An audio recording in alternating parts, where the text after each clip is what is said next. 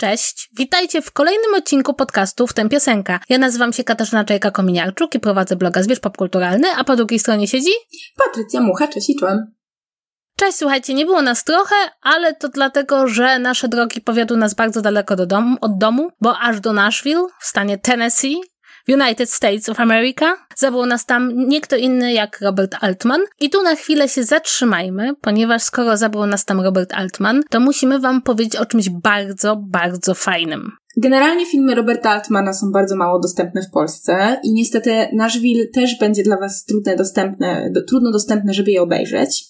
Od 8 do 13 listopada we Wrocławiu odbywa się American Film Festival. Tak się składa, że w tym roku odbywa się pierwsza część retrospektywy Roberta Altmana i będzie tam można obejrzeć Nashville i oprócz tego jeszcze dziewięć innych filmów. I będzie też obecna wirtualnie, ale jednak, e, scenarystka Nashville, czyli John T- e. Fantastyczna osoba, bardzo ciepła podobno, tak tutaj mi w pracy mówią. Więc serdecznie Wam polecamy, żeby rozważyć może przyjazd do Wrocławia. Będą też inne fantastyczne filmy. Altmana będzie Masz, e, McCabe i Pani Miller. Generalnie Altmana Ameryka.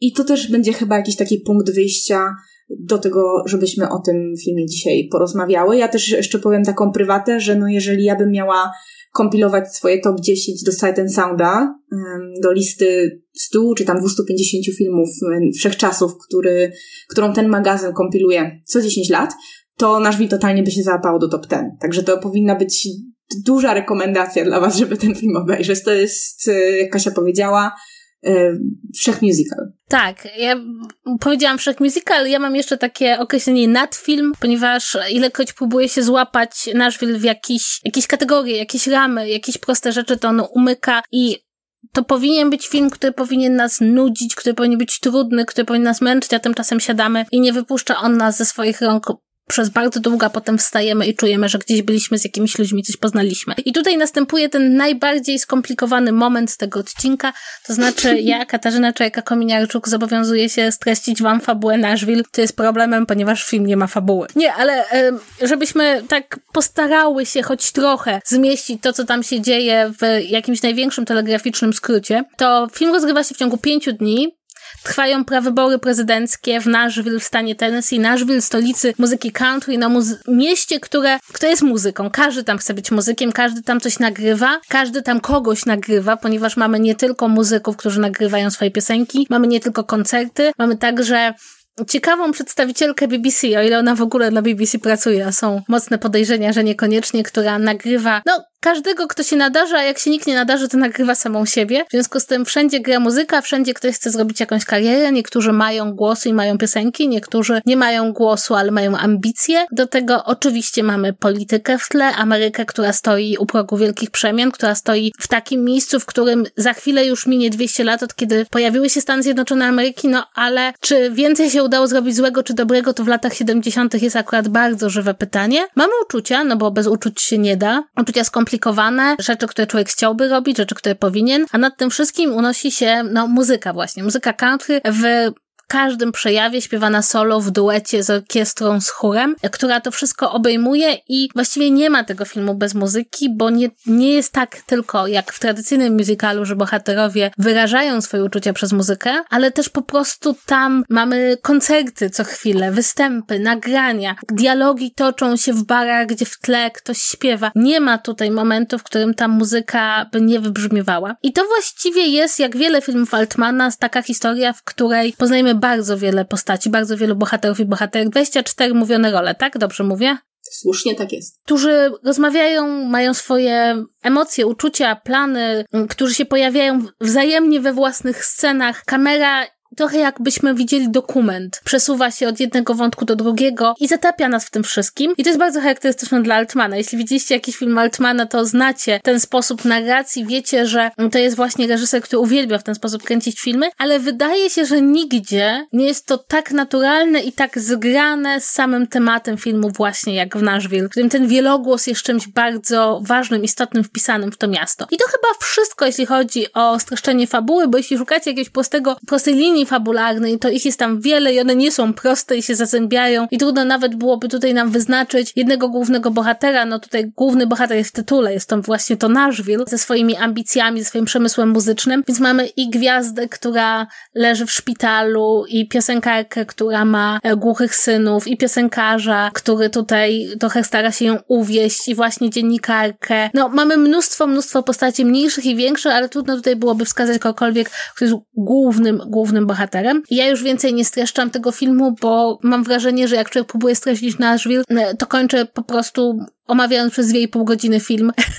W związku z tym byłoby to być może trochę naddatkowe. Chciałabym tylko powiedzieć, że jeśli przeczytacie streszczenie tego filmu e, na Wikipedii, to ono wam nic nie powie o tym filmie. I to jest absolutna potęga Nashville. To znaczy, może mogłabym wam teraz stracić całą fabułę od A do Z i byście nic się o tym filmie nie dowiedzieli. Właśnie, Kasia, i teraz twoje mistrzostwo w opowiadaniu fabuły, a moja zupełna nieumiejętność w tym. Dostajesz szóstkę z plusem za to, bo... Dziękuję, dziękuję. Bo ja, jak zaproponowałam przed podcastem, zanim zaczęłyśmy nagrywać, że ja zrobię ten opis, to zapomniałam, że ja najchętniej bym go właśnie ujęła w sposób wikipedyczny. To znaczy, że zapewne ja z kolei bym po 30 sekundach skończyła, a ty to tak wszystko ładnie spięłaś i rzeczywiście cały ten taki krajobraz i no nie wiem, taką mapę tego, czym Nashville jest, y, zarysowałaś. Pewnie ja bym skończyła banalnym, ale jednocześnie prawdziwym stwierdzeniem, że Nashville to też jest po prostu film o Ameryce, do czego pewnie jeszcze dojdziemy, y, ale tak czy inaczej po prostu szapoba, bo jakoś tak, nie, nie wiem, nawet się podziwiam z tą umiejętność, w ogóle nie umiem streszczać y, fabuł.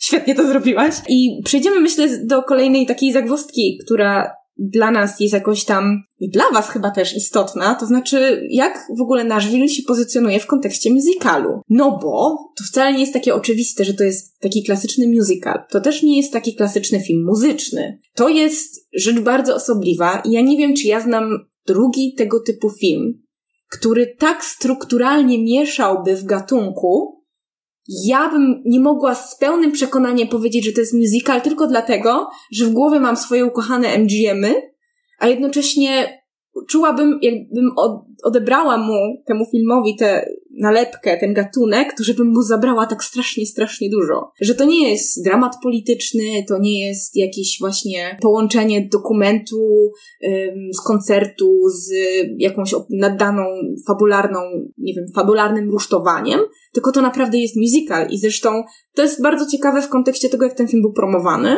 dlatego że ludzie, którzy ten film wyprodukowali, czyli telewizja NBC, a potem Paramount, który ten film sprzedawał, bardzo unikali tego, żeby mówić, że to jest musical. Podkreślali, że tam są gwiazdy muzyki, podkreślali, że tam będzie wspaniałość country, że będzie to się działo właśnie w Nashville, w tej stolicy. Jakby te, te rzeczy podkreślali. Krytycy od razu podłapali, że to jest musical. Mm, od razu zaczęli tak w ten sposób ten film nazywać, nawet zanim ten film wszedł, bo Pauline Kael napisała taką długą, pochwalną recenzję z tego filmu, nazwając go Country Western Musical. Jakiś taki stworzyła osobny podgatunek. E, no i Altman w 2000 roku w komentarzu na DVD powiedział, że tak, to jest musical, really. Więc jakby on sam to też zatwierdził, mimo tego, że jest znany z tego, że te gatunki raczej dekonstruuje i że nigdy nie dostaniemy czystego gatunku, ani nawet nie dostaniemy takiego gatunku zwielokrotnionego, kampowego. Nie, to po prostu jest bardzo zawsze unikalny sposób Altmana na gatunek. Więc zawsze będzie musical Altmana, western Altmana, satyra Altmana. Bardzo unikalne podejście do gatunków. E, no, co tu dużo mówić, od razu widać, że jestem fanką straszną tego reżysera, mimo że wcale tak dużo tego, jego filmów nie widziałam i tak sobie powoli dawkuję, bo każdy po prostu jest wybitny i strasznie go przeżywam potem przez tydzień. Rzeczywiście trzeba przyznać, że gdybyśmy mieli przyłożyć takie jakieś proste schematy gatunkowe musicalu do tego filmu, no to on by nam gdzieś uciekł bokiem, a z drugiej strony, gdybyśmy przyłożyli właśnie to, co mówisz, etykietkę film muzyczny, to byśmy mu zrobili krzywdę. Bo to nie jest film, w którym ani ciągle się śpiewa, czyli nie ma dialogu, ani nie jest to film, w którym ludzie wybuchają w piosenkę, nie wiadomo dlaczego. Każda piosenka jest w tym filmie osadzona, bo jest to film o muzykach, w związku z tym ona tam ma swoje miejsce. Natomiast rzecz, która dla mnie najbardziej, znaczy ja tutaj mówię nie filmoznawczo, mówię to emocjonalnie, co dla mnie najbardziej przemawia za postrzeganiem tego filmu jako musicalu, to fakt, że te utwory, które są tam wykonywane, one pełnią tą samą rolę, co w musicalu. Bohaterowie mówią sobie nimi rzeczy, które czują i nie byliby w stanie w żaden inny sposób wyrazić. Co więcej, bardzo często, kiedy wydaje nam się, że jest jakaś piosenka, która nie ma takiego zakorzenienia, która jakby w żaden sposób niczego nie komentuje w danym momencie filmu, to w drugiej połowie filmu przychodzi moment, kiedy okazuje się, że nie. Także ten utwór mówił rzeczy, których bohaterowie w dialogach nie powiedzieli. I to jest fascynujące, bo to jest trochę taki musical zrób to sam. Znaczy słyszysz muzykę, słyszysz piosenkę, a potem dostajesz scenę i jest takie trochę dopasuj piosenki z tabeli A do scen z tabeli B, ale one się wszystkie zgrywają i nagle orientujemy się, że tak naprawdę nie ma tu emocji, uczucia, pewnego nastroju, którego nie komentowałaby muzyka. I dla mnie to jest właśnie ta wybitna musicalowość tego filmu. To znaczy, wyobrażam sobie, że można byłoby przemontować nasz film tak, że byłoby dużo bardziej tradycyjnie musicalowe, ale straciłoby wtedy, straciłoby wtedy coś, co jest absolutnie cudowne w tym filmie, właśnie to poczucie, że ta muzyka, która tam powstaje, czyli właśnie to, ten country and western, tak, e, która jest jakby taką muzyką, która powinna powstawać z jakiejś tęsknoty, bólu, z głębi serca. Niektórzy się śmieją, że to jest zawsze piosenka kowboju, któremu ktoś złamał serce i zdechł mu pies, ale mniej więcej, to są dwa ukochane podobno tematy tych piosenek. Natomiast nie zmienia to faktu, że to, to jest tam szczere i te emocje, które czują bohaterowie, to bardzo prawdziwe emocje, zupełnie oderwane od tych wszystkich krajobrazów, prawda, e, stepów, kowbojów i, i wszystkiego, co, co jest w tym jakby imaginarium tej muzyki. To wszystko się tam jednak pojawia i dla mnie, i dla mnie to czyni ten film niesłychanie musicalowym musicalem, nawet jeśli e, pod względem takiej typowej struktury, jakbyśmy mieli to szkiełko i oko przykładać, niekoniecznie wszystko by nam się zgadzało. No ale tu się z tobą absolutnie zgadzam. Jeśli Altman robi jakiś film, to to jest film Altmana, a dopiero potem to jest jakiś gatunek. Więc y, wydaje mi się, że to musimy powiedzieć na samym początku i dlatego to jest taki reżyser, którego jeśli się lubi jeden film, to bardzo często ma się ochotę oglądać wszystkie. Ja mam bardzo podobnie z Altmanem od czasu, kiedy jak byłam bardzo mała, moja mama mi powiedziała, że muszę obejrzeć jakiś film Altmana, obejrzałam, nic nie zrozumiałam, ale tak mi się podobało, że od tamtego czasu nadrabiam filmografię Altmana. Podoba mi się to, co powiedziałaś a propos tych, tej bezpośredniości uczuć, bo ciekawe jest też to, że jednak w takim klasycznym musicalu, o którym my tutaj zwy- zwykle mówimy, jednak ta piosenka, która się pojawia, ona jest bezpośrednio wyrazem bohatera. A tutaj mamy też zapośredniczenie w słowach, które muszą być dostosowane do konwencji. Tak jak powiedziałaś, że jest ten ból, że jest to cierpienie, że jest ta utrata, jest jakieś marzenie. Takie dosyć proste rzeczy, bo to są często banalne słowa, ale właśnie dlatego, że te emocje są ujęte w takich prostych słowach, że tam nie ma finezji językowej. To są rymowanki bardzo często, bo też trzeba powiedzieć, że wiele tych artystów napisało swoje piosenki, nie zawsze na potrzeby filmu, ale wszystkie, wszystkie piosenki są napisane przez bohaterów, którzy tam występują, bardziej lub mniej utalentowanych, czasem muzyków, czasem nie. I to, że w tej, w tej prostocie zawiera się tak duże skomplikowanie, ja nie wiem, czy ja znam coś takiego innego, bo jednak właśnie moje ukochane musicale z Fredem Masterem to jest finezja językowa autorów tych utworów, a zwłaszcza autorów tekstów, którzy potrafili zawrzeć jakiś flirt, zawrzeć te marzenia, życzenia w jakieś takie nie, nieuchwytną poezję, tak? A tutaj to są bardzo proste rzeczy i oni przez te proste rzeczy wyrażają takie straszne bogactwo. To jest dla mnie niesamowite, że paradoksalnie przez tą poezję w starych musicalach y, miałam dużo bardziej precyzyjne wrażenie tego, co się dzieje, a tutaj mam wrażenie, że im dusza imploduje. Po prostu jak oni śpiewają bardzo często. To właśnie nie jest intelektualne, to jest emocjonalne, ale żeby nie było tak no to, to wciąż oglądamy film, film Altmana. W związku z tym on troszeczkę tą, pro, tą, tą szczerą emocjonalność kontruje. Kontruje obserwacją społeczną, kontruje obserwacją polityczną, no i kontruje dobierając tak doskonałych aktorów i aktorki, że wszystko tutaj właśnie, ta cała niejednoznaczna emocjonalność nabiera właśnie tego intelektualnego kontekstu, więc jakby Altman idzie od innej strony. Bardzo często w musicalach ta warstwa fabularna, aktorska, nie mówię, że jest zła, ale jest taka bardzo wprost, natomiast właśnie cały ten intelekt mieści się w piosenkach, w utworach, w muzyce, to jest na odwrót. Muzyka mówi bardzo dużo rzeczy, natomiast cały ten intelektualny geniusz, ta wielowątkowość, ta wielowarstwowość tej historii jest poza tą muzyką. I, I, jest to bardzo podobny kontrast, jaki znajdujemy w tradycyjnym musicalu, ale jakby odwrócony. Tak mi się przynajmniej wydaje, to tak odczułam. I ja się z tym absolutnie zgadzam i w ogóle się też świetnie to ujęłaś, bo chyba nie umiałabym tego w taki, taki sposób wytłumaczyć jakoś tak, widzisz klucze w tych słowach zawsze, ale też yy, na dowód tego, że Altman dobrze wiedział, co robi, że to nie jest tak, że robił film koncertowy z muzyką i po prostu potem się podpiął pod łatkę, bo to był bardzo inteligentny gość, to powiem, że po pierwsze bardzo dużo osób nie tylko nazywało ten film musicalem, ale też Pauline Kael na przykład powiedziała, że ten film, czy Altman robi dokładnie to samo, co Fred Astaire, czyli wydaje się, że niemożliwe jest bardzo proste. Bo tutaj mamy w sumie jakiś prosty koncept, który jest potwornie skomplikowany reali realizatorsko, bo tam były dwa miesiące nagrań, 24 osoby, plus tłumy statystów, w ogóle mnóstwo miejsc, nie było czegoś takiego jak plan zdjęciowy, bo po prostu Nashville było planem zdjęciowym, tak? Ale ostatecznie koncept jest jakiś taki no kurczę, prosty, tak? I to właśnie jest też ta finezja jakby Altmana, że, że wydaje się to proste, wydaje się to takie lekkie i jak, y, mimo, że ten film trwa 2, godziny 40 minut i to może bardzo ostrasz, odstraszy, odstraszyć, a nie powinno, bo ten film po prostu płynie. On jest oczywiście fragmentaryczny przez ten sposób swój e, narracyjny, czy nawet antynarracyjny. No właśnie, trwa długo, jest, e, skaczemy pomiędzy bohaterami, a jednocześnie, no tak jak mówię, no sam płynie, jakby tego czasu się w ogóle nie czuje. I to jest jedna z rzeczy, a druga to jest e, to, że w samej fabule i w tym, co bohaterowie mówią i śpiewają, pojawia się dwa razy nawiązanie do Czarnoksiężnika z Oz. E, jeden raz e, czarny bohater Tom Brown śpiewa, e, że właśnie tak jak w piosence, czy znacie tą piosenkę Over the Rainbow, ja też coś tam, coś tam i nawiązuje w ogóle do, do tekstu tej piosenki. Potem jedna z tych właśnie głównych bohaterek, byśmy mogli powiedzieli, bardziej, mogli powiedzieć bardziej głównych, czyli Barbara Jean, piękny anioł o długich brązowych włosach, która moim zdaniem też jest najpiękniejszym elementem tego filmu. To jest dla mnie coś niesamowitego, taka wibrująca dusza. Ona też mówi w jednym ze swoich takich przemówień właśnie o tej, o tym czarnoksiężniku z Oz. Co tam jeszcze? Aha, i bardzo ważna postać Barbary Harris, która y, pojawia się w samym finale. Y, oczywiście tak y, o, orbituje cały czas, próbuje się dostać to tu, to tam, bo jest taką właśnie bardzo zdeterminowaną, e, nikomu nieznaną osobą, która marzy o tym, żeby mieć karierę musicalową, nie musicalową, karierę no, muzyczki, śpiewać. Dostaje swoje pięć minut w finale i śpiewa po prostu brawurowo, śpiewa doskonale.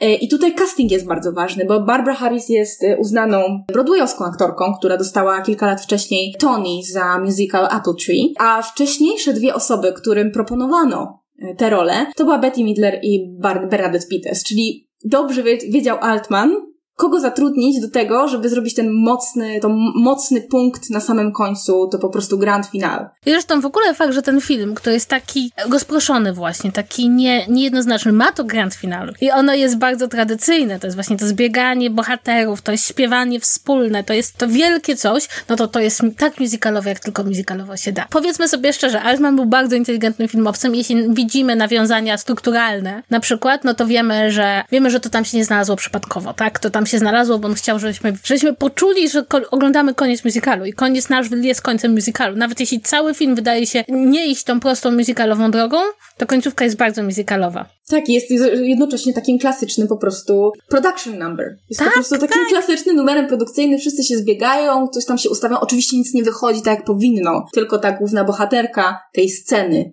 śpiewa jak należy, mm, ale rzeczywiście masz rację, że tu się wszystko zbiega i też trzeba powiedzieć, że te eksperymenty Altmana, które on tutaj dźwiękowe prowadzi, bo trzeba powiedzieć, że to też jest jeden takich e, z jego znaków rozpoznawczych, czyli te nakładające się na siebie dialogi, że widz czy widzka może sobie trochę wybrać, czego słuchać. Czy tej pary, która przy samochodach rozmawia, czy drugiej pary, która się o coś kłóci, czy tego właśnie skandowania, nie skandowania, tych reklam y, Hala Filipa Walkera, który gdzieś tam brzmi z głośników, ale nigdzie go nie ma, bo oczywiście ta postać, która kandyduje na prezydenta, czy będzie kandydować na prezydenta, się w filmie nie pojawia inaczej niż tylko słuchowo. Wiesz co, przepraszam cię bardzo, ale tak. to jest niesamowite nawiązanie do Czarnoksiężnika z Kreineos. A, dokładnie, wiesz, że no to nie wpadłam zupełnie. Ale, Świetnie, to jest, tak. to, ale to jest, jakby przepraszam, bo właśnie teraz, jak powiedziałaś, to mi się tak, o wow, przecież Przecież Totalnie. to jest to. Ta wielka postać, do której wszystko się zbiega, ale ona się w ogóle nie pojawia. I to jest genialne w ogóle, genialna obserwacja. Na serio, w ogóle na nie wpadłam, jak czyta, widzisz. No, więc jakby podsumowując to, że rzeczywiście w tym finale już nie ma tego nakładającego się dialogu.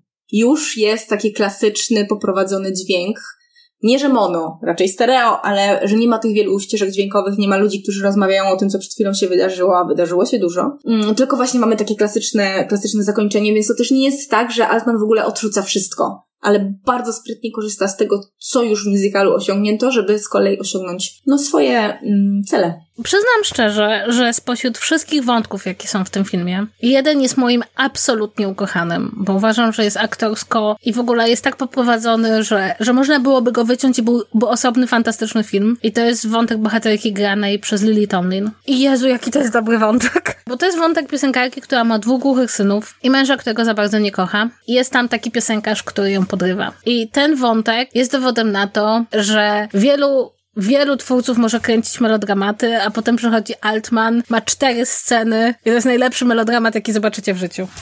Słuchajcie, jeżeli widzieliście historię małżeńską i Adama Drivera, która śpiewa, który śpiewa Being Alive, to to jest 10 razy lepsze. To znaczy, tak. po prostu jest muzyk, którego nikt nie lubi, bo podrywa każdą bohaterkę z kolei, którą, która musi coś tam napatoczy pod jego ręce zatrzymane na gitarze. No i śpiewa piosenkę w barze pełnym ludzi. I jest tam mnóstwo kobiet, z którymi on spał lub będzie spał jeszcze w przyszłości. I każda myśli, że to jest o niej. Ale Lily Tomlin, i my mamy taką sugestię, oczywiście nie wiemy tego wprost, no takie jest kino lat 70. My nie dostaniemy tej, tej odpowiedzi, czy on śpiewa bezpośrednio do niej. Ale wszystko, na, na, po prostu na niebie i ziemi w tej Ameryce mówi, że to jest o Lily Tomlin. I ona ma taki wyraz twarzy, jakby po raz pierwszy w życiu puścił jej skór żołądka. W sensie takim, że ona nagle po prostu widzi, zrozumiała, ona chce, ona, ale nie może, ale jakby i ta twarz, to jest w ogóle niesamowite, bo to jest debiut e, filmowy Lili Tomlin. Ona wcześniej była znana jako komediantka, stand-uperka, powiedzmy, coś takiego. Ona w komedii grała mm, telewizyjnej i Altman jej dał tą rolę i po prostu tutaj wychodzi z niej po prostu zwierzę dramatyczne. Na tej twarzy po prostu, na którą ciągle jest zbliżenie i tak po prostu zbliżamy się do niej i zbliżamy. I to jest coś niesamowitego. I ona słucha, jak on do niej śpiewa taką też banalną piosenkę dosyć, I'm Easy, która zresztą wygrała Oscara. To jest moment taki abs absolutnego olśnienia. A jeszcze wcześniej jest taki, taka scena, ona ma tych synów, którzy migają i słabo mówią i jeden z nich opowiada historię ze szkoły jak, jak był na lekcji pływania. Jakby tu nie ma napisów, Altman jakby nie jest jednym z tych twórców, którzy uważają, że jak osoba migająca jest na, na ekranie, to muszą być napisy. I ona go słucha, a mąż nie słucha. I nawet nie ma tej odrobiny uwagi, którą my musimy mieć jako widzowie, żeby wysłuchać w tą opowieść tego chłopaka, którą jesteśmy w stanie zrozumieć, absolutnie. Nawet jak nie znacie języka migowego, jesteście w stanie zrozumieć, o co chodzi. I to jest tak rozdzierająca serce scena. Powiem szczerze, e, jak czasem się wzdycha za dawnym kinem, tak? Za kinem właśnie z lat 70., to ja miałam przy tej scenie takie westchnienie, Boże, jak kiedyś reżyserzy doceniali inteligencję widzów. Znaczy, wiedzieli, że nie muszą mu im nic powiedzieć wprost, żeby im bardzo, bardzo, bardzo, bardzo dużo powiedzieć. I to jest taka scena, która nam mówi wszystko o tym związku, mnóstwo o tym wewnętrznym też jej bólu, podobnie wynikający z tego, że ona jest piosenkarką, muzyka jest dla niej wszystkim, a ma synów, którzy nie słyszą. Widzi to, że ci synowie są dla niej wszystkim. I te wszystkie rzeczy będą promieniować potem, co się będzie działo w tym wątku. Ja tak lubię, kiedy widzę, że reżyser wierzy w moją inteligencję i wierzy w inteligencję historii, którą opowiada i wierzy w swoich aktorów. To, to jest taka piękna scena, jakby tak, tak informacyjna, jednocześnie będąc sceną, w której dzieciak streszcza, co robił na lekcji pływania. I to jest też ciekawe, bo tutaj jak mówisz, ta Lily Tomlin, ona się pojawia dosyć często w tym filmie, ale nie zawsze ma jakieś dużo do zagrania, no tak jak każdy z tych bohaterów, jak każdy z tych aktorów i aktorek, ale też jest bardzo, bardzo interesująca scena, w której my wiemy, że to jest małżeństwo w rozpadzie, kiedy znowu Lily Tomlin siedzi ze swoimi dziećmi i uczy ich śpiewać piosenkę. Nie wiemy jakby po co, nie wiemy w jakim celu, a w kuchni stoi jej mąż w gaciach z rozpiętym paskiem i ona się go pyta, zrobić ci jajka na twardo? A on mówi, nie, już sobie sam robię te jajka na twardo. I tak wrzuca to jajko z taką szmatą przewieszoną przez ramię i tak wrzuca i tak wzdycha. I ty wierzysz, że to małżeństwo po prostu nie działa. Nie, w sensie, że on stoi w tej kuchni nad tym garnkiem. Ona tam miga, udaje, że wszystko jest okej. Okay. Te ruchy są też takie precyzyjne, bo ona tam im pokazuje, jak to wszystko jeszcze e, zaśpiewać. I to jest wszystko tak, tak bardzo skoncentrowane na takim, właśnie na takim podtrzymywaniu tej rodziny, a on po prostu tak na, na, na, niczym już mu nie zależy. To jest, I to jest znowu, no ja to opowiadam i ty też opowiadałaś tą scenę, to brzmi jakby to trwało co najmniej pięć minut, a to są, to są dwie, dwuminutowe, półtora minutowe sceny, nie? To jest w ogóle, my wam nie opowiadamy żadnego głównego wątku tego filmu i to jest w ogóle niesamowite, bo jest także w tym filmie wątek kelnerki, która strasznie chce śpiewać i nie umie śpiewać. I mogłybyśmy wam opowiedzieć sceny z tego wątku, które są równie porażające, łącznie ze sceną, kiedy zostaje namówiona do zrobienia striptizu i jest to aż trudne do oglądania, prawda? Jakby okrucieństwo tej sceny. I to też nie jest główny wątek. To jest niesamowite, bo z każdego z tych wątków dałoby się zrobić osobny film i to byłby bardzo dobry film. Ale to, że one grają obok siebie, sprawia, że, że to jest w ogóle, mamy jakieś takie poczucie, że weszliśmy do realnego świata, bo tylko w realnym świecie tak się na siebie nakładają historie. I wydaje mi się, że to jest dobry moment, żebyśmy podeszły do tego tematu, który jest w kontekście tego filmu ważny, czy kiedy on powstaje i co Altman chce jeszcze przy okazji, przy okazji tych wszystkich pojedynczych historii nam powiedzieć o Ameryce, bo to jest rzeczywiście film o Ameryce w bardzo konkretnym momencie. Więc y, powiem też, że dla mnie punktem takim wyjścia e, do tego, żeby trochę opowiedzieć o tym kontekście, jest fantastyczna książka Jay Hobermana, jednego z najwybitniejszych współczesnych krytyków, Made My Day, która opowiada w sumie o kinematografii za czasów Reagana, czyli latach 80., ale dokładnie wprowadza w ten temat, analizując i porównując ze sobą odbiór Szczęk i Nashville. Dwóch filmów i wprowadzając je właśnie w kontekst polityczny, też mówiąc o tym, że oba filmy w pewnym sensie są kinem katastroficznym. Bo rzeczywiście Nashville jest po prostu filmem o katastrofie, jakim jest, e, jakim był projekt Ameryka, a zwłaszcza projekt Ameryka widziany oczami kontestatorów i późnych lat 60., e, bo mamy rok 75 i w ogóle Nashville jest w pewnym sensie futurystyczne, bo dzieje się właśnie w roku 90, e, przepraszam, w roku 1900 76, czyli rok później, żeby właśnie zahaczyć o te obchody dwustulecia no, narodzin demokratycznej Ameryki od deklaracji niepodległości. I, y, I te obchody są bardzo ważne, bo wspomina o nich e, wiele gwiazd e, country, ale też wspomina o tym właśnie kandydat na prezydenta. Lata 70. to jest, to jest Ameryka na skraju bankructwa. Taki moment, kiedy ta prezydent, każda kolejna prezydentura przynosi właściwie rozczarowania, bo oczywiście mamy wybranego w roku 72 Nixona, wybranego po raz kolejny. No i wszyscy dobrze wiemy, co się wydarzyło na początku e, lat 70., czyli afera Watergate, które się odbija tutaj też echem bardzo mocno. Właśnie odbijają się te rozczarowania, że nie można wierzyć politykom, że nie ma już nikogo, komu możemy wierzyć. I przychodzi niby jakiś polityk z trzeciej partii w tym filmie, który również sprzedaje bardzo piękne słowa pod płaszczykiem, których nie ma nic których jest tylko reklama. To też warto powiedzieć, że jakby po, po tym filmie jeździ taka ciężarówka, czy taka właśnie część kampanii, że słyszymy te wszystkie deklaracje, jakieś taką polityczną nowomowę. Gdybyśmy próbowali ją podpiąć pod jakąkolwiek partię polityczną, to było trudne, bo to jest taka niechęć do tego, co jest, tak? To jest dosyć mamy tego, co jest, dosyć tego, ma, co było i co będzie. Więc to jest jakby taka próba podważania różnych elementów, zwłaszcza jak się tego teraz słucha, tak? I w kontekście tego, co się dzieje w Stanach Zjednoczonych i tego na przykład, jaką drogę przyszła partia republikańska, ale też w Polsce. Te, takie ciągłe, powtarzane frazesy właśnie te, tego człowieka, którego nie ma, bo nie ma trzeciej opcji. Też skierowany do do, do niby do wszystkich, obiecujące dokładnie to, co by chcieli wszyscy usłyszeć, z pełną świadomością tego, że nie da się tego zrealizować. Po prostu. Bo nie da się wszystkich zadowolić. Pod sam koniec pojawia się takie zdanie, że właśnie w tym kontekście, że święta zawsze pachniały pomarańczami. I to jest bardzo ciekawe zdanie, bo to jest takie zdanie, które nic nie znaczy i które brzmi bardzo głęboko i brzmi jakby ktoś, ktoś chciał coś nam bardzo ważnego powiedzieć rzeczywistości, a w istocie, no, to, to jest jakieś stwierdzenie jakiegoś faktu. To ono, ono się tam pojawia w kontekście właśnie politycznym. Wydaje mi się, że jest bardzo dobrym podsumowaniem takiego, takiego ładnego, acz pustego języka. Tak, takiego bełkotu politycznego, nie? Tych wszystkich obietnic, których y, nie ma w żadnym wypadku jak y, zweryfikować też, bo to też nie chodzi o to, że nie da się ich spełnić, ale też, że nie da się zweryfikować, bo są to tak ogólne stwierdzenia, że byle akcja może powiedzieć, przecież to się udało, przecież ja to zrobiłem. To jest też czas, kiedy, y, czas, kiedy Nashville wchodzi do kin, to jest prezydentura Forda. To był prezydent, który, który blokował wszystko, co się, co, co mogło być lepsze. Naprawdę to coś koszmarnego, ale to, czym zasły, zasłynął i to dzisiaj jest bardzo dwuznacznie odbierane, to jest um, uratowanie kilkudziesięciu żołnierzy marynarki Kambodży, e, gdzie podobno ludzie z Kambodży rzekomo jakby próbowali ten kupić ten statek. E, no i ten prezydent Ford e, nasłał bombowce, żeby odbiły w ogóle tam z terytoriów ten statek, ale oczywiście oprócz tego, mimo tego, że już mieszkańcy tego kraju się poddali i oddali ten statek, oddali tych żołnierzy marynarki, to i tak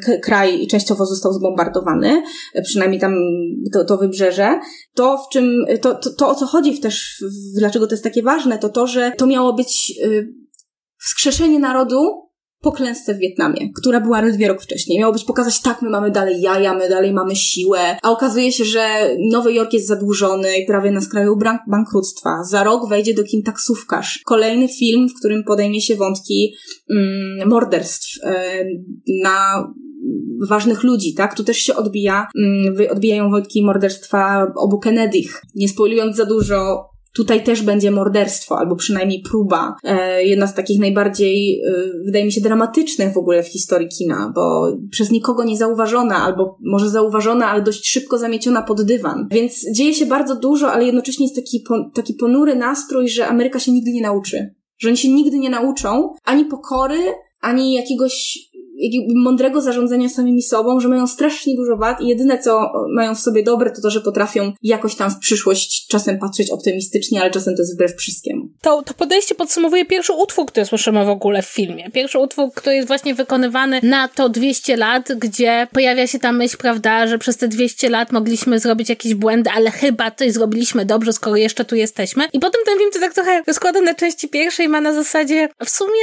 co Trochę naszą umiejętnością jest zapominanie tego, co się dzieje, przykrywanie tego, właśnie tuszowanie tego, przydeptywanie. I to, ta, ta droga dalej w udawaniu, że się nic nie stało, a jednak ci, którzy o tym pamiętają, ci, którzy ponoszą tego koszty, czy to są ludzie, którzy zginęli, komuś ktoś ktoś im zginął, czy to są ludzie, którzy walczyli, czy to są ludzie, którzy nie mogą się otrząsnąć właśnie po tych wydarzeniach, które były tak przełomowe, że ich tak trochę zamiatają pod dywan. Oni są w tym społeczeństwie, ale społeczeństwo musi przejść do przodu, dlatego że jeśli by się zatrzymało na za długo i zaczęło się zastanawiać nad tym wszystkim, co nie wyszło, to byłoby to straszne. I możemy powiedzieć, i wydaje mi się, że to nie będzie jakieś daleko idące, że ta diagnoza tego nie można się zatrzymać i zastanowić nad sobą, jest chorobą wszystkich państw, które są imperiami, że się tak wyrażę. To znaczy, imperia nie mogą robić rozliczeń, rozliczeń sumienia, chyba że są to imperia upadłe, nie wiem, jak Wielka Brytania. Ale istniejące imperia nie mogą tego robić, bo okazałyby swoje słabości. My się możemy grzebać w negatywnych momentach naszej historii, bo nie jesteśmy imperium e, i możemy, możemy rozgrzebywać rany i zadawać sobie pytanie, co byśmy mogli zrobić do lepiej czy gorzej, albo się przyznawać, że coś schrzaniliśmy, ale imperia nie mogą tego robić, bo wtedy by ujawniły to swoje miękkie podbrzusze. I to jest niesamowite, bo to jest film z lat 70 70. bardzo mocno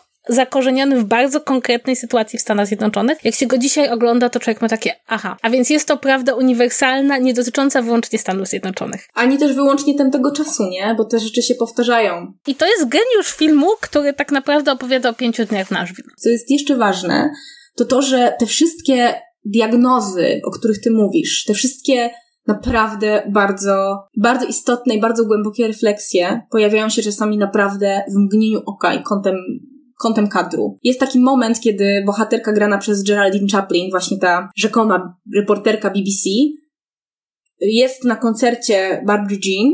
Obok niej stoi weteran wojny w Wietnamie i ona się go pyta, hej, a jak było w Wietnamie? I ty wiesz, że to jest taki przerażający moment bo Ameryka jest tak daleko od Wietnamu.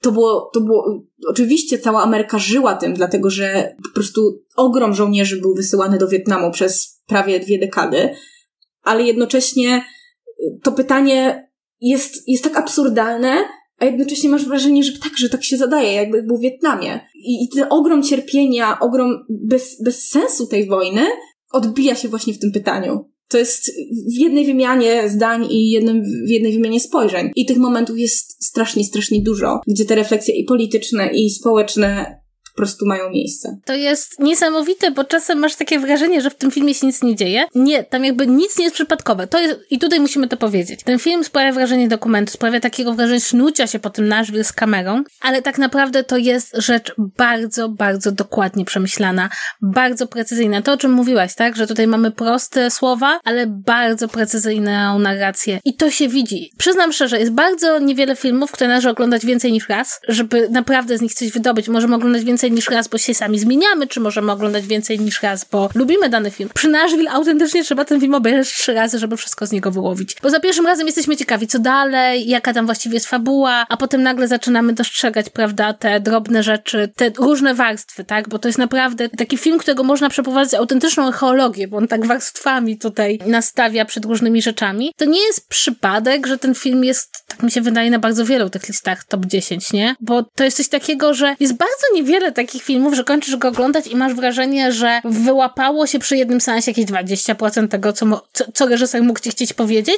I to nie chodzi o to, że dialogi były szybkie. Tak, i tutaj też wychodzi to, że Altman był modernistą, jednym z niewielu amerykańskich modernistów, a jednocześnie jego filmy były przyjemniejsze do oglądania niż, nie wiem, zeszłego roku w Marienbadzie. Jakkolwiek uważam, że to jest wybitny film. Nasz mi to jest sama przyjemność, nie? A Niech podniesie rękę do góry ten, kto choć raz nie przysnął na zeszłego roku. Dokładnie. E, a jednocześnie Altman wywodzi się troszkę z tego, z tej formacji właśnie, z tych jakby refleksji rozsianych na całej mapie filmu i też dlatego właśnie Pauline Kael go tak uwielbiała, e, bo bardzo szukała w amerykańskim kinie e, czegoś właśnie z Bergmana. Notabene Bergman się tu pojawia w bardzo zabawnej scenie po raz kolejny. Reporterka BBC mówi bardzo zabawną rzecz, czyli mówi, o, ten dom jest prawda, jak z Bergmana, no tylko ludzie jacyś tacy bergmanowscy. po prostu, kto to napisał, kto to powiedział, nie, coś wspaniałego. I zresztą jest dokładnie tak, jak mówisz, że ja włączyłam sobie ten film wczoraj, żeby go powtórzyć i chciałam, mówię, o, już, już go przecież widziałam, to teraz se puszczę z komentarzem, przecież nie muszę wiedzieć, co tam się dzieje. Obejrzałam 6 minut z komentarzem Altmana i mówię, no nie dam rady to się tyle dzieje, że po prostu ja nie jestem w stanie jakby tego fokusu rozdzielić na to, co on mówi, na to, co się dzieje, jeszcze na te 24 postaci. E, no i rzeczywiście, tak jak wrócę do tej Kale, mówię, że dzisiaj jestem tak zapalona, że po prostu skaczę po tematach. W sumie pasuje do tematu, do, do Nashville, e, że Kale napisała taką wspaniałą, długą, e, kilkustronicową re recenzję tego filmu, zanim właśnie on wszedł do kin, ponieważ widziała go na prywatnym pokazie. To było dosyć ryzykowne posunięcie, bo on jeszcze nie miał ostatecznego kształtu. Nie widziały go nawet e, władze dystrybucyjne Paramountu wtedy. Altman go wyświetlił specjalnie dla Kate, która była wielką właśnie wielbicielką jego kina. I, I teraz pobawię się trochę w Michała Oleszczyka, przetłumaczyłam dla was fragment tej recenzji. I teraz posłuchajcie, jak to jest, kiedy wybitna krytyczka nie pisze zajadliwej recenzji, z czego wszyscy jako krytycy i krytyczki jesteśmy znani, że fajnie się cytuje, jak ktoś jest złośliwy. Właśnie jak jest piękno w krytycznym pisaniu, kiedy ktoś naprawdę kocha film, który obejrzał. I Pauline Kael pisze tak. Altman, reżyser o katolickim zapleczu, ma to, czym dysponował James Joyce. Miłość do wyjątkowych smaków codzienności. Jest w stanie pokazać nieszczęśliwych bohaterów. Kinan Wine gra mężczyznę, który traci swoją kochaną żonę. A ty nie marzysz, żeby nie musieć ich oglądać. Akceptujesz ich nieszczęście jako część ich życia. Tak jak w Ulisesie. Nie odrzuca cię od markotnego narcyzmu bohatera Kisa Karandajna to on w swoim pokoju słucha własnych nagrań z kolejnymi kobietami u boku. Z Geraldine Chaplin, którą ledwo pamięta następnego dnia i z Lily Tomlin, której nigdy nie zapomni.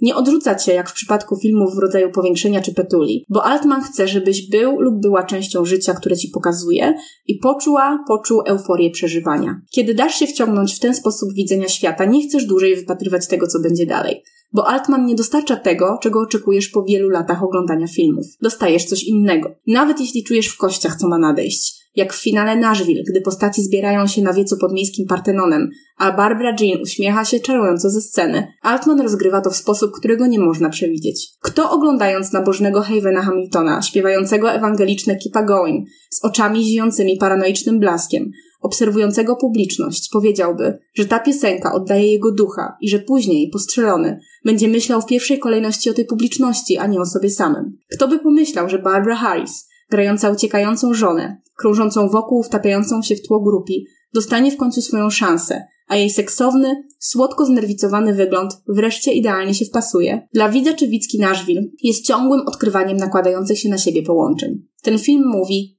to właśnie jest Ameryka, a ja jestem jej częścią. Uważam, że to jest tak pięknie napisane, że się wzruszam za każdym razem, jak to czytam, a czytam te recenzje już chyba ze trzy razy. To jest bardzo miłe, kiedy człowiek ma jakąś refleksję po filmie, a potem się okazuje, że Pauline Kiel miała taką samą. Ja nie czytałam tej recenzji, bo jak mówiłam Patrycji jeszcze przed nagraniem, co jest dla mnie niesamowite w tym filmie, to jak właśnie Altman traktuje swoich bohaterów. Że on mógłby być wobec nich bardzo surowy, on mógłby ich dociskać, on mógłby ich e, rozgniatać, ale tego nie robi. Wręcz przeciwnie, jakby znajduje dla nich jakieś takie przestrzenie. Nie mówię, że oni tam są, będą szczęśliwi, prawda, bo to nie o to chodzi. To nie jest taki reżyser, co każdemu da happy end, ale jakoś ich wszystkich wszystkich lubi i to czuć z tego filmu. On lubi zarówno tą Lily Tomlin, jak i jej męża, tego właśnie piosenkarza, który uwodzi każdą pannę w barze, nawet tą koszmarną dziennikarkę BBC on lubi. I to jest niesamowite, bo kiedy widzimy film nakręcony przez kogoś, kto nie, nie pogardza swoimi bohaterami, ja bardzo wielu reżyserów sprawia takie wrażenie, jakby nimi pogardzało, chciało ich wdeptać w ziemię, to właśnie chcemy jeszcze więcej, chcemy nie, nie wychodzić z tego świata. To jest niesamowite, ten film trwa ponad dwie godziny, właściwie dwie czterdzieści części i jest się zaskoczonym, że on się w ogóle kończy. Tak, i że właśnie ma się wrażenie, że to Nashville będzie trwać dalej, nie? To jest, nie wiem, taki może zupełnie irrelevantny trend, ale dokładnie tego mi zabrakło w Blondynce, którą mamy teraz na Netflixie. To znaczy, że ja mam wrażenie, że ta postać nie ma życia poza tym, co my oglądamy na ekranie.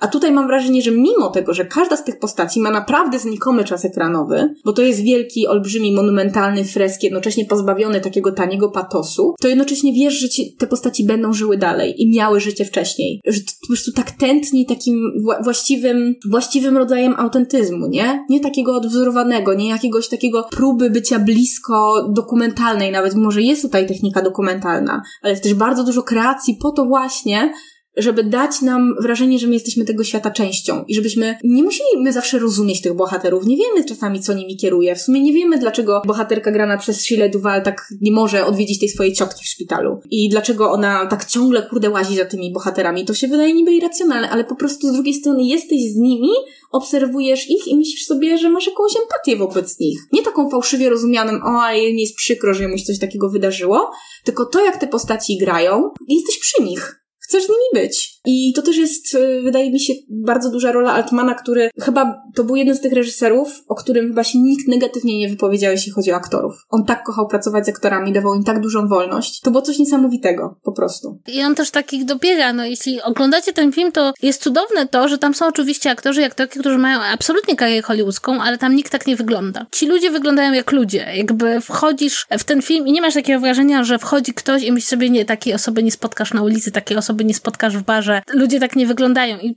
i nawet jeśli są wynoszeni na piedestał, jeśli, jeśli mają te piękne stroje, jeśli są na scenie, to, to są nadal ludzie, których myśli sobie, tak, tak, znam tą osobę, widziałam ją. On nie tworzy właśnie, no to też przez styl tego filmu, nie tworzy tej bariery między tobą a tymi historiami, a jednocześnie robi coś, co ja zawsze powtarzam, że w życiu zawsze jesteśmy w środku wątków, tak? Nawet jeśli kogoś poznajemy, to ta, zawsze poznajemy go w środku jakiegoś wątku i on robi coś takiego właśnie bardzo życiowego, czyli wrzuca nas, wszystkie te postacie mają przeszłość, do niektórej nawiązujemy, y, niektóra jest taka nie do końca dopowiedziana, prawda? Możemy się domyślać. Jest sporo dialogów, które nigdzie nie prowadzą, jak w życiu, bo wszystko jest gdzieś tam w połowie. I to jest cudowne, dlatego że nagle czujemy się, jakby ktoś nas zaprosił, nie wiem, na jakieś przyjęcie i pozwolił nam poznać wszystkich ludzi, tak? Którzy się tam, się tam kłębią. Rzeczywiście niesamowite uczucie, kiedy wchodzisz w jakiś świat, w którym reżyser ci otwiera przed tobą, ale, ale właśnie to, co mówisz, być przy tych ludziach, chcesz tam być. I to Altmanowi się udawało wielokrotnie i to jest w ogóle jego największa sztuczka reżyserska. On ci może przedstawić ludzi, których nawet nie lubisz, ale chcesz z nimi być. I on to robi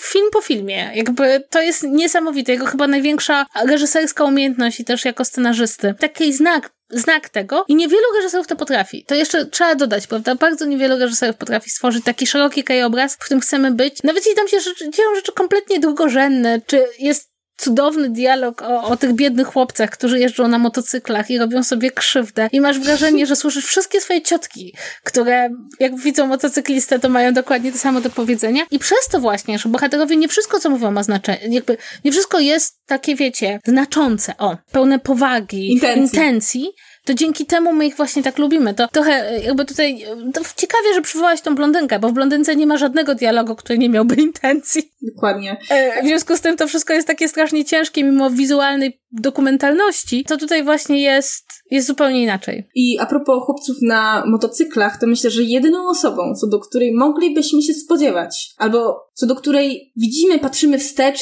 i widzimy ślady ikoniczności współczesnej, jest oczywiście Jeff Goldblum.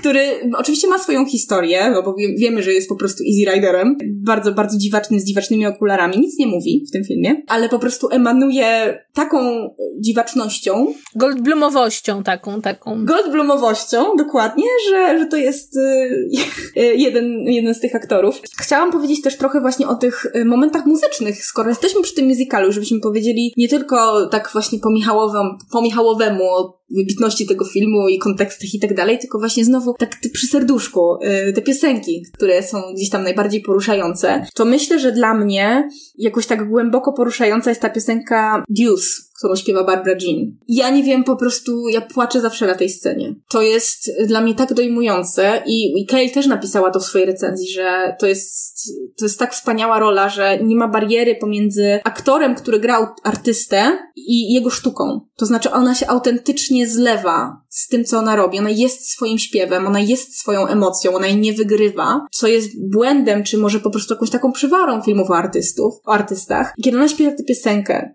która jest tak wykrzywiona jej cierpieniem na festiwalu, którym wszyscy oczekują od niej, że będzie uśmiechnięta zawsze. I ona chwilę później ma taki moment takiego osobliwego załamania. Ona tak paple o, swoim, o swojej przyszłości e, i jak to tam zaczęła w ogóle śpiewać i, i to są takie też troszkę bez ładu i składu opowieści, trochę jak ja teraz. To ja po prostu mam serce na, na kawałki rozdzielone. Ta postać mi tak, to, to mi tak rozdziela serce, że naprawdę, to jest dla mnie jeden z takich najważniejszych w ogóle chyba momentów musicalowych ever. Zgodzę się z tobą, bo tutaj nie ma się z czym nie zgadzać, jakby to jest, widzicie, to jest ta, ta potęga, że jak są prawdziwe emocje, to one jakby trafiają do wszystkich, ale ja przyznam, że, że ta scena, kiedy on śpiewa I'm Easy i właśnie te wszystkie kobiety myślą, że on to śpiewa o nich, a jednocześnie to jest taka piosenka, po prostu możesz podłączyć każdy związek, jakby każdy, jakby to jest jej uniwersalność i też, a jednocześnie jednocześnie masz takie właśnie poczucie, że to jest bardzo konkretny komunikat do bardzo konkretnej osoby. O mój Boże, jakie to jest, jakie to jest dobre. Wiecie, to jest czasem, są takie momenty, kiedy oglądasz film i sobie, Boże, jakie to jest dobre. A jednocześnie, jeśli mówimy o tej muzyce, to ona jest bardzo ciekawa. To znaczy, wydaje mi się, że bardzo wiele osób zna muzykę country, ale nigdy się w nią nie wsłuchuje i nigdy nie dostaje jej w takich kontekstach, która mogłaby im właśnie pozwolić zobaczyć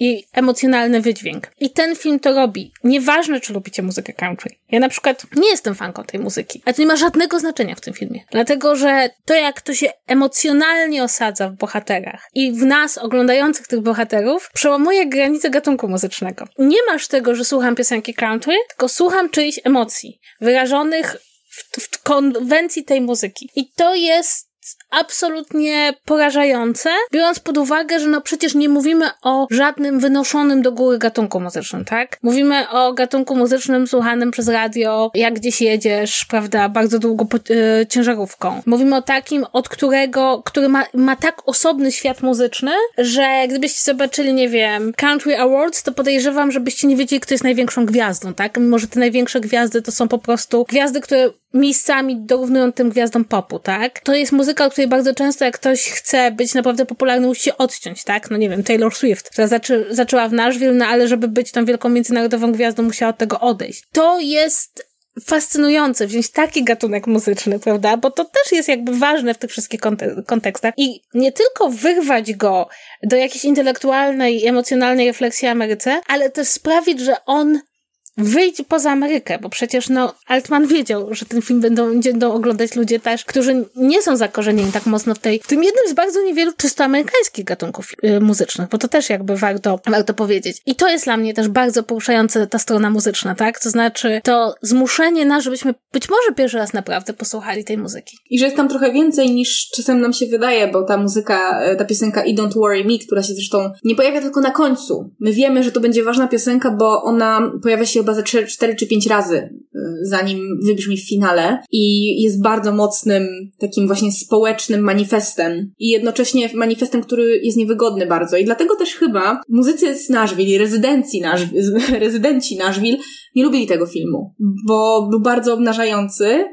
On nie jest tak bezlitosny wobec bohaterów, jak, nie wiem, jak lubi być Kubrick bezlitosny wobec swoich bohaterów, albo Damien Chazelle wobec niektórych swoich bohaterów, albo jeszcze ktoś. Tam nie ma tortury, to nie jest znęcanie się. To jest naprawdę, naprawdę pewna ogólna mentalność i ogólne problemy duszy amerykańskiej, a nie żadnego konkretnego człowieka. I to jest y, jakoś tak dla mnie bardzo widoczne, natomiast no oczywiście jak ktoś robi film o twoim mieście i nagle patrzysz, że wszystko co złe to co się wydarza, no to okej, okay, rozumiem, backlash, nie? Ale jednocześnie to, co mówisz o tej muzyce, to też jest bardzo ciekawe w kontekście tego, jak ona funkcjonuje strukturalnie właśnie w zgodzie z tym, jak, my, jak się słucha country, nie? Właśnie w radiu, w pick-upie, właśnie w w takich, nie wiem, przy kominku, kiedy pijesz winko i trochę nie zwracasz uwagi, właśnie nie słuchasz tych słów, bo nie ma tego przywileju. Bardzo często. Tu jest bardzo mało numerów, kiedy, którymi możemy obejrzeć całości. Nie ma tego przywileju słuchania piosenek od początku do końca. W niewielu przypadkach jest i to są te właśnie, tak jak mówisz, klasyczne musicalowe momenty. No ale bardzo często, nawet jak śpiewa Wielka Gwiazda, którą na przykład Karen Black była w latach 70., to mamy momenty, kiedy po prostu jej nie ma i słuchamy zupełnie innego dialogu, który się gdzieś tam wydarza e, obok, e, pod sceną. I wydaje mi się, że to też jest jedna oczywiście z tych gier na gatunku, który Altman uprawia, żeby właśnie nie dać nam tego komfortu, że my nie możemy zupełnie tak samo w, całości posłuchać tych utworów, tylko troszkę właśnie w zgodzie z tym, jak ta muzyka społecznie funkcjonuje, nie? Że z jednej strony sobie piwko pijemy, albo jest festyn, tam dziecko jest na ramieniu, ktoś tam cię trypnie z boku i, e, i nie do końca jesteś w stanie też złapać, um, złapać właśnie te, te emocje. I to jest też ciekawe, bo my jakiś taki mamy jednocześnie przywilej, że my, widzowie ekranowi, widzimy więcej czasami niż ta publiczność, która jest na tym festiwalu. Przez to, że to jest tak sfilmowane, pokazuje to siłę kina, że po prostu my możemy wiedzieć i my możemy odczuć lepiej, bo oni tam czasami, ta, ta publiczność po prostu wygląda jak, jak, jak taki, taka banda zombich, która po prostu przyszła posłuchać swojej ulubionej piosenkarki, ale jak stała jej się krzywda, to w sumie nikt nie zauważył. A jednocześnie warto powiedzieć, że to jest film, w którym jest godzina muzyki. To znaczy, żeby było jasne, to jest film, w którym właściwie ta muzyka jest wszędzie. I to jest bardzo ważne, tak? To, co mówisz, to jest tak wszechobecność. To jest coś, że mamy występy, mamy muzykę w radio, mamy e, dialogi, w tle ktoś gra, śpiewa, mamy nagrania, jakby... To też jest bardzo ciekawe, bo, bo jest tam też ten komentarz wobec tej wszechobecności muzyki w Nashville. To znaczy, masz wrażenie, autentycznie masz wrażenie, oglądając ten film, że każdy tam jest piosenkarzem. Każdy ma swoją piosenkę, którą napisał. I nawet jeśli nie umie dobrze i czysto zaśpiewać, to jest ten sposób komunikowania się ze światem.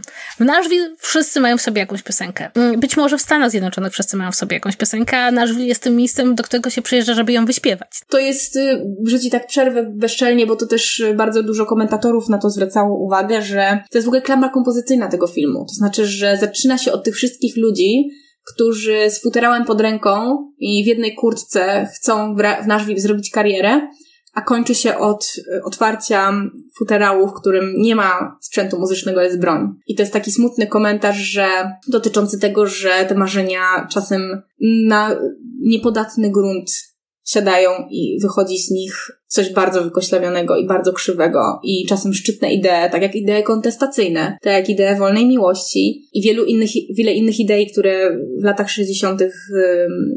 jakby zdobyły też na medialnej po prostu popularności, po prostu się nie udały. Sprawiły, że, że rzeczywistość się wykrzywiła w sposób, który byśmy nie przewidzieli i, teraz powiem tylko o procesie Romana Polańskiego i w ogóle o tych wszystkich okropnych rzeczach, które się działy, które się działy na planach filmów lat 70., gdzie zmuszano aktorów i aktorów w imię bardzo dziwnie pojętej wolności do robienia rzeczy, które dzisiaj by naprawdę nie uszły. To, to, to jest pokłosie tego. Takie były czasy, takie były te lata 70., ten nieudany projekt, który wszyscy chcieliśmy, trzymaliśmy się brzytwy. Trzymaliśmy się tego projektu jak brzytwy, on się nie udał i potem to się wykrzywiło w taki sposób, że, że dzisiaj jest nam wstyd za to jak to, jak to wszystko wyszło. Zwłaszcza, że mam wrażenie, że o ile mamy dosyć mocno utrwalone w kulturze, zwłaszcza popularnej, wizję tego, jak wyglądały lata 60. i co mówiły, i to, jak wyglądały lata 80. i co mówiły, lata 70. bardzo często się tak przebiega. To są takie, prawda, tu, tu, tu już lata 60., 68., prawda, tutaj rewolucja dzieci kwiatów i jesteśmy w latach 80.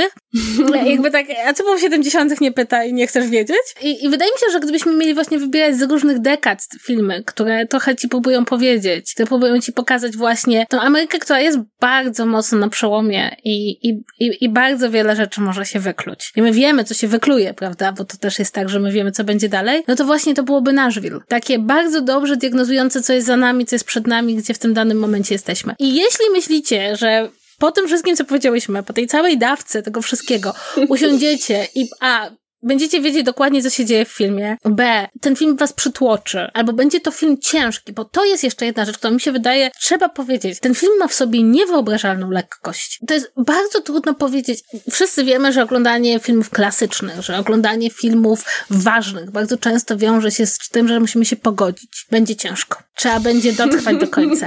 I, I, to jest jakby jasne, jesteśmy zupełnie innymi widzami po, po tylu latach, ile minęło od tamtych seansów. Często po prostu nie mamy w sobie tyle cierpliwości, albo też te wielkie filmy jakby są dla nas trudne w odbiorze. W Nashville jest tak, że jest w tym jakaś taka lekkość i entuzjazm, że chcemy następnej sceny. Czekamy na następną scenę. Każda następna scena nas zaskoczy, no tutaj, bo tu wszystko nas zaskakuje. W związku z tym jest takie, i co dalej? Ale nie takie, i co dalej, jeśli chodzi o fabułę, tylko daj mi jeszcze trochę, no daj jeszcze scenę, no, no jeszcze troszeczkę, no nie wypuszczaj mnie z tego Nashville Nashville. I to też jest bardzo ważne, więc jeśli się na przykład przestraszycie długością albo przestraszycie się tymi wszystkimi kontekstami, które tutaj porzucamy, to gdybyśmy jeszcze miały złapać za jeden wątek taki musicalowy, to byłaby to ta lekkość, która jednak mimo wszystko temu filmowi towarzyszy i jakoś go też gdzieś tam łączy z musicalem, który nawet mówiąc o rzeczach bardzo, bardzo ważnych, nigdy nie zapomina, że, że widz jednak chciałby czegoś lekkiego. Tak, że to też trzeba powiedzieć, że Altman był wybitnym satyrykiem i dowiódł tego więcej niż jeden raz. I tam jest też po prostu mnóstwo humoru. I ten żart y, z Bergmana to jest jeden z wielu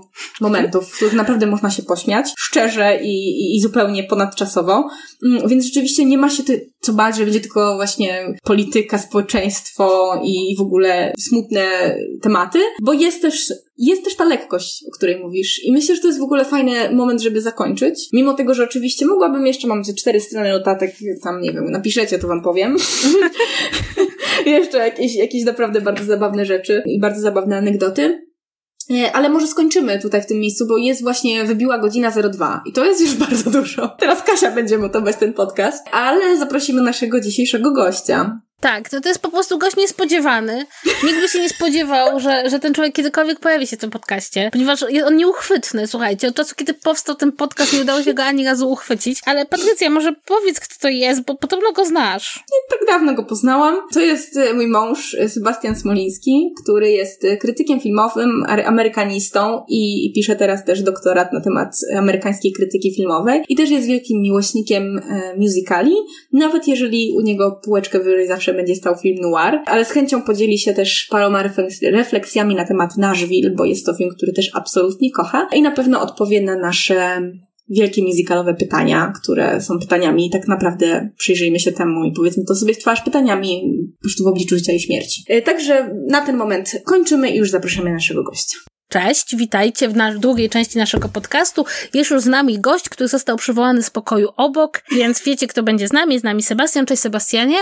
Cześć, witajcie, bardzo miło. Tak. Um, słuchaj, doszły nas słuchy, a właściwie nie doszły słuchy za pośrednictwem Patrycji, że podobno lubisz Nashville. Więc jeśli masz coś do dodania, chciałbyś coś dorzucić od siebie o tym filmie, dlaczego go tak lubisz i dlaczego jest to twój ulubiony musical, e, to proszę, e, proszę, możesz, możesz teraz się wypowiedzieć, tylko nie za długo. Uwielbiam Nashville, ale powiem tylko jednej rzeczy, bo tak naprawdę to czekam, żeby odsłuchać ten odcinek, w którym biorę udział, ale żeby was posłuchać, co wy mówiłyście. Nie wiem, czy wspominałyście o tej obsesji na punkcie amerykańskiej flagi, jaka jest e, w Nashville, ale też tak sobie pomyślałem, że można w dwóch zdaniach tą historię amerykańskiego kina lat 70. właśnie ułożyć przez te, patrząc na obsesję na punkcie flag, bo przecież e, w swobodnym miejscu, który przecież otwiera niejako tę dekadę, to jest końcówka lat 60., no ale jednak właśnie z początek tego nowego Hollywood mamy motor, prawda? Pomalowaną amerykańską flagę. Potem mamy morderstwo w Nashville i ta amerykańska flaga, flaga też w Nashville jest dosyć ważna. No a potem, jak to niektórzy mówią, ostatni film lat 60., czyli Wybuch De Palmy, który tu przemycam, bo to jest mój, jeden z moich ukochanych filmów, gdzie też bohaterka ginie na, na tle amerykańskiej flagi. Więc cóż, wielcy filmowcy tej epoki mieli wielką potrzebę, żeby dać amerykańską flagę wszędzie. To jest taka moja myśl o Nashville, a czekam bardzo, żeby posłuchać o tym, posłuchać co wy o tym filmie chciałyście, powiedziałyście. A to jeszcze powiem jedną rzecz a propos tej amerykańskiej flagi, bo tego nam się nie udało powiedzieć w ogóle, także się super strzeliłeś, że y, to jest też taki element klasycznego musicalu, który się pojawia u Altmana, czyli mocne saturowanie tej bieli, niebieskiego i czerwieni, które po prostu Altman bardzo lubił w tym filmie, żeby po prostu ono się naprawdę mocno wybijało, żeby rzeczywiście to był też film o Ameryce po prostu kolorystycznie i więc on przypomina to po prostu technikolorowe kolory. I okładka Criteriona jest y, też właśnie, nie? W tak. amerykańską flagę. Tak. Niedwuznacznie można powiedzieć, jest jasne, o czym jest ten film od początku.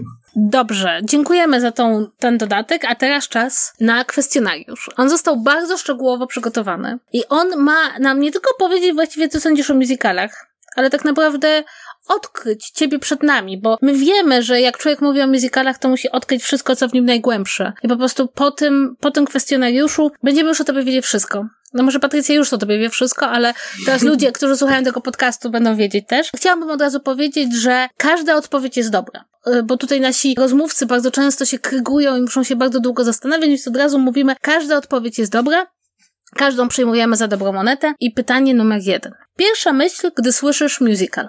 Dźwięki, dźwięki różne. Ma być, być głośno w jakimś sensie, z tym się kojarzy musical. jest tak bardzo, bardzo pierwsza myśl. No a inna jednak, y, trochę nawiązując do Altmana, tak Ameryka, jednak musical mi się bardzo kojarzy z, z tym krajem. Mówiłam, że jesteś amerykanistą, właśnie tak ci przedstawiłam wcześniej. Ale właśnie, ale właśnie to jest problem, bo, bo jakby jest takie zboczenie zawodowe, że wszystko się człowiekowi kojarzy. Za, za, wszystko się staje Ameryką właściwie. To jest śmieszne, ale o tym też doktorat pisze, o tym jak krytycy pisząc o filmach piszą o Ameryce, więc sam się w tym plączę, szczerze mówiąc, ale, ale tak, zostanę, zostanę przy tym. Pytanie numer dwa. Ulubiony musical, przy czym tutaj jak sobie to ulubiony zdefiniujesz, zależy już od ciebie. Nie musi to być najlepszy musical, jaki widziałeś, ale właśnie tak jak ty definiujesz swój ulubiony musical. Może być więcej niż jeden, dopuszczałyśmy już takie sytuacje. To może tak po nic do kłębka... Mm Patrycja najbardziej lubi Freda Astera, o czym na pewno słuchacze wiedzą. Ja zawsze byłem miłośnikiem Gina Kelly'ego, więc myślę, że, że to dla mnie była ta, ta twarz muzykalu, jaką poznałem. Więc chyba któryś z jego muzykali. No i pewnie jednak Deszczowa Piosenka. Już się pogodziłem, że mój gust do naj, najoryginalniejszych nie należy. Więc, więc tak, na pewno Deszczowa Piosenka z tego okresu klasycznego, bo też to jest tak naprawdę jeden, jeden z niewielu muzykali, do których czuję, że że chcę wracać regularnie. Mam wrażenie, że jest coś takiego, jeśli chodzi o moją przygodę z muzykalami, że Niektórych z nich nie mam ochoty powtarzać przez jakiś czas, musi dużo, dużo czasu upłynąć, bo to nie jest mój taki gatunek największego komfortu.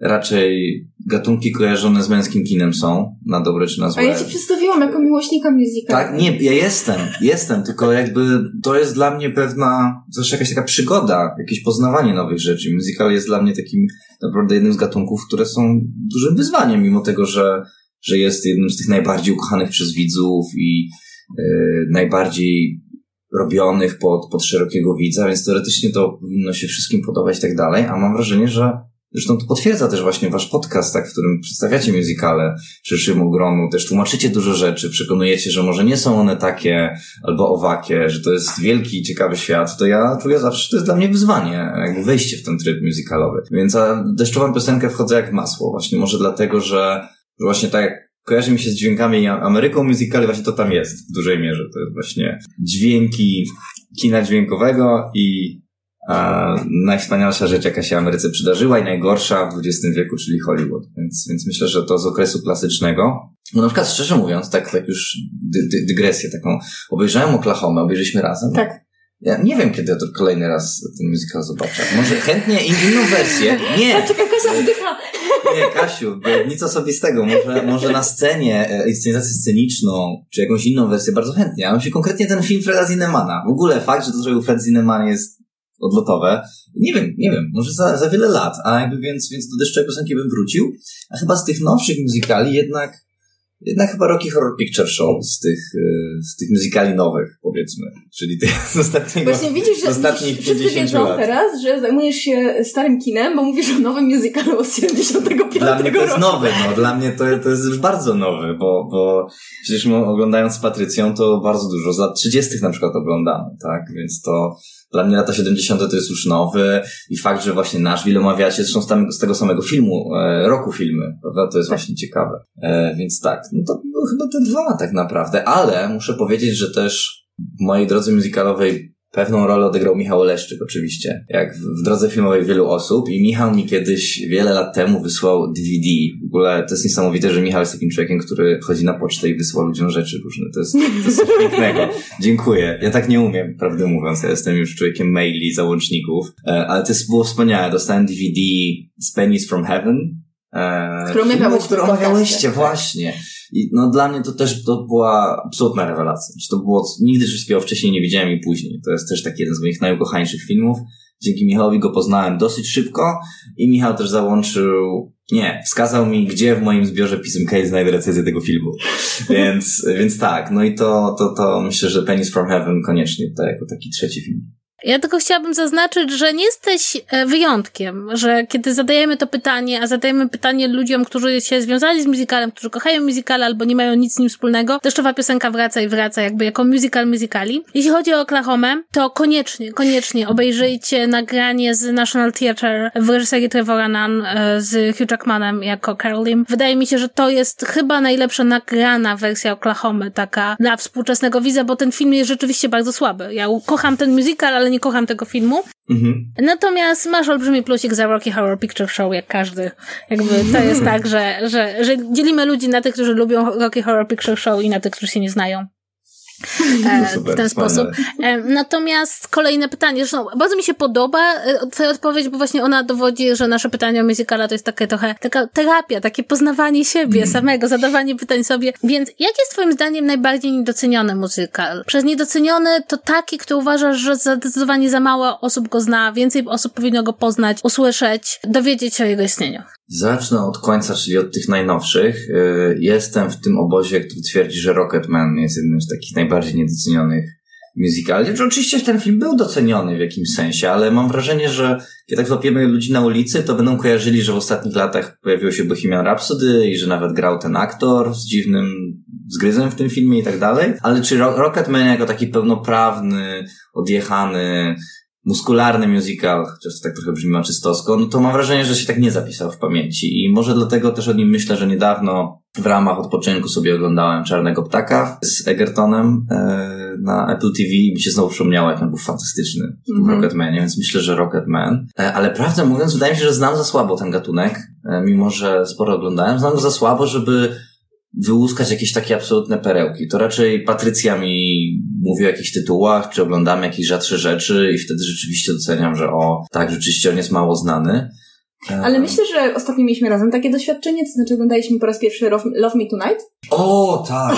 o wiedziałam. No tak, no tak, no właśnie, takie tytuły. Teraz mogłem się przygotować, jeszcze szczerze mówiąc, nie wiem. Nie, właśnie o to chodzi, żebyś się nie Jestem przygotował. totalnie nieprzygotowany, jeśli o to chodzi. Troszkę tam sobie myślałem, co chcę powiedzieć, ale, ale, ale nie, nie, nie znałem do końca pytań, więc y, tak, Love Me, tylko że właśnie to jest problem z Love Me Tonight, że Polsce może mało go kto widział, ale tak naprawdę no to jest taki nieśmiertelny klasyk tego wczesnego musicalu. Myśmy, myśmy coś takiego nie widzieli, bo wiadomo, że na początku lat 30. te musicale były bardzo różne, e, dopiero te z Fredem Asterem i Ginger Rogers naprawdę się zapisały jako pierwsze w historii, prawda? E, Lubicza też już mało kto ogląda te musicale, ale Love Me Tonight to dla nas było naprawdę coś, coś absolutnie rewelacyjnego i zresztą może nieprzypadkowo e, Mark Cousins wspomina Love Me Tonight w swoim ostatniej odsłonie Story of Film, porównując tą pierwszą sekwencję z Love Me Tonight, e, dla tych, którzy nie widzieli, to jest scena jak Paryż się budzi i wszystko zaczyna grać ze sobą. Znowu to moje skojarzenie z dźwiękami. To są dźwięki. Dźwięki kowadła, dźwięki pracy, połączone właśnie z muzykalowym rytmem. I o jemu to się skojarzyło z Baby Driverem Edgara Wrighta, filmem, który nas oboje doprowadził do łez, jak go oglądaliśmy. Dlatego, że ma takie czyste popkulturowe piękno. Nie dlatego, że wątek romantyczny jest tak wzruszający, tylko po prostu film jest jako dzieło tak doskonałe, że to jest aż wzruszające. Tak nam, nam e, się Baby Driver kojarzył, więc że taki gdzieś Edgar Wright ma za- zagadki na jakiegoś takiego króla musicali. No Scott Pilgrim jest w jakimś sensie filmem muzycznym, prawda? I Soho też. Tam też przecież dużo Tak, i Soho. Jest. Mhm. Zresztą się chyba ten wątek pojawił, jak omawiałyśmy filmy muzyczne. Zdecydowanie Baby Driver się pojawił. E, Ja by tylko chciałabym powiedzieć, że my tu rozmawiamy w bardzo specyficznym gronie, ponieważ dla mnie film z 39 roku to jest już późno, nie?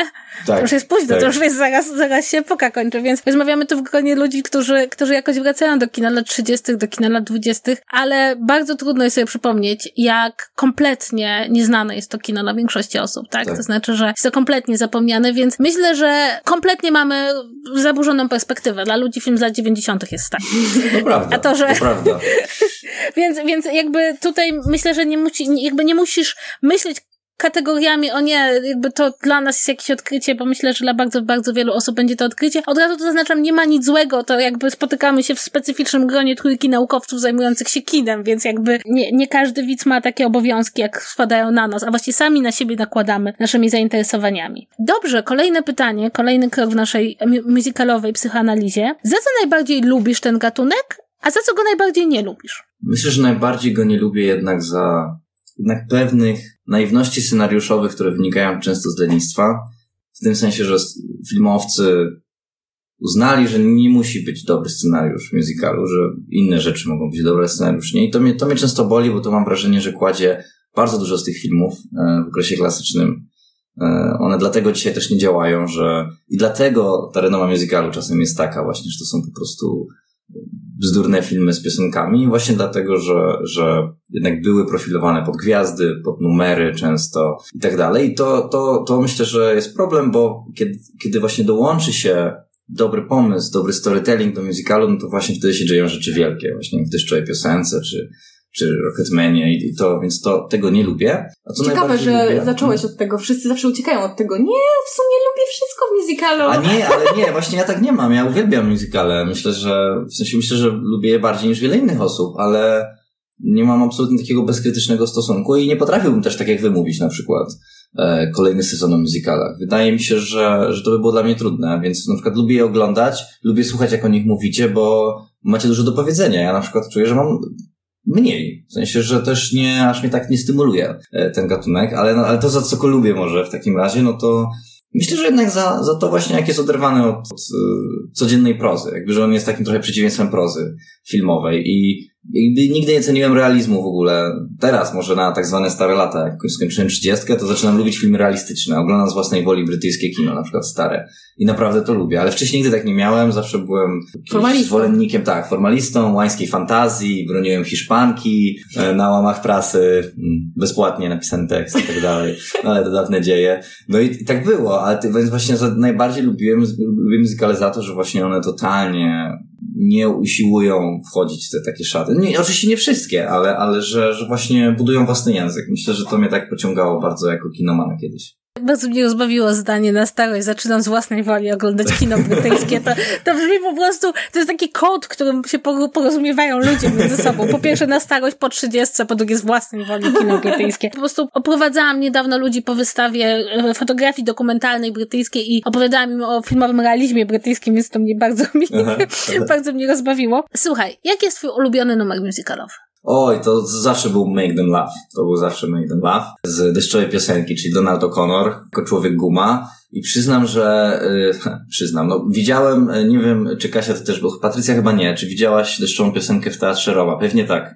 Tak. No, y, mi się ten spektakl bardzo podobał. W sensie uważam, że Roma już troszkę się jako koncepcja wypaliła, to znaczy to przenoszenie jeden tak. do jednego spektakli już już jest, już jest tak naprawdę, jakieś to było super nowoczesne i powiew zachodu, teraz to już jest staroświeckie, ale mam wrażenie, że deszczowa piosenka to był jakiś taki high point, jakiś taki moment, że to naprawdę zagrało, ale właśnie w, ty, w tej inscenizacji, no nie, nie byli w stanie tego tworzyć, tej sceny. E, inne w miarę tak, a ta scena, no po pierwsze, typowa sytuacja widza teatralnego, no siedzisz 20, 30, 40 metrów dalej, po drugie, no właśnie to był taki, to jest jakoś tak ta sekwencja jest takim zapisem z jakiegoś genialnych ruchów ciała, które są nie do podrobienia, więc właśnie też taka arcyfilmowa, że nie, nie jesteś w stanie podrobić po prostu wariactwa zainscenizowanego w Hollywood w latach 50. przez przez genialnego wykonawcę, więc tutaj dla mnie kino, kino wygrało. no też, też dlatego, że ten aktor trafił na kilka dni do szpitala, a aktor w teatrze musi grać dalej. Tak, tak, no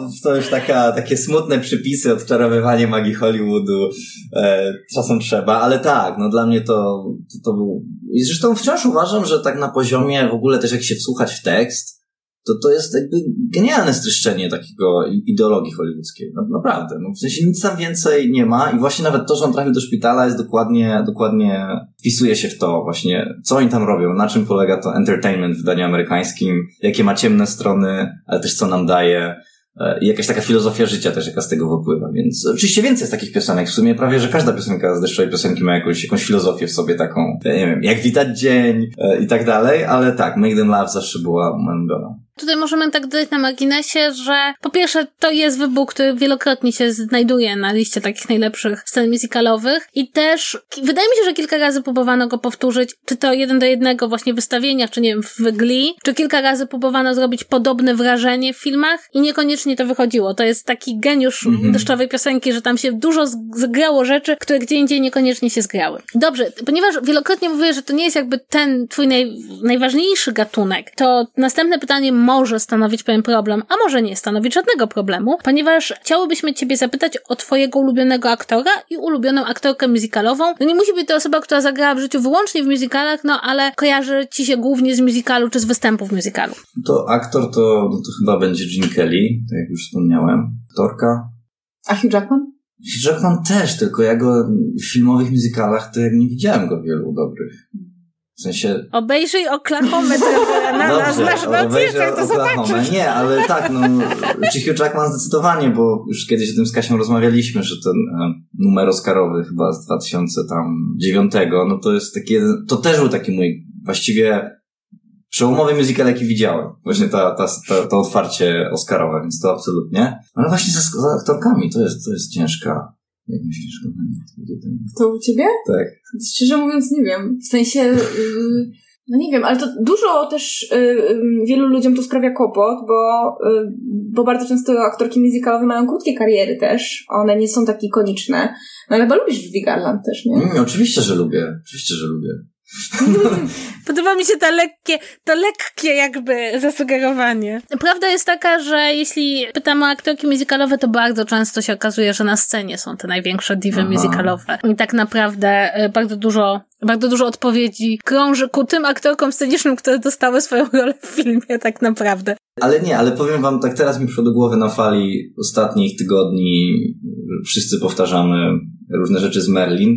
Uważam, że takim jednym z najwspanialszych numerów no jest ten Mężczyźni wolą blondynki. E, Znaczy, diamenty są najlepszym przyjacielem kobiety. Jakoś tak, Tak. przetłumaczmy to. No to uważam, że to jest jeden z takich doskonałych numerów, gdzie właśnie bardzo nastawiony na, e, na kobiety jako wykonawczynię, cały wokół tego skrojony, bo mam wrażenie, że też takich musicali jest jakoś mniej. Często jednak ta, ta, ten mit tych męskich wykonawców bardzo dominował i a tutaj Howard Hawks, no można analizować ten, ten utwór jakoś tak, ten numer, no jakoś wykorzystuje ten seksapil w jakiś niecny sposób, ale nie wiem, uważam, że jest jakoś tak pie- pięknie udało mu się schwytać po prostu magię Marilyn Monroe i chyba, chyba najbardziej ze wszystkich scen. A mam też Marilyn jeszcze Monroe. jeden pomysł, bo Sebastian był zachwycony, jak obejrzeliśmy Company i słuchał oryginalnego soundtracku, bo obejrzeliśmy też ten film dokumentalny o nagrywaniu soundtracku do oryginalnego Company. I oryginal, aktorka, która w oryginale grała e, rolę, którą gra e, Patti LuPone i śpiewa Ladies Who, e, The Ladies Who Tak. dobrze Tak. mówię?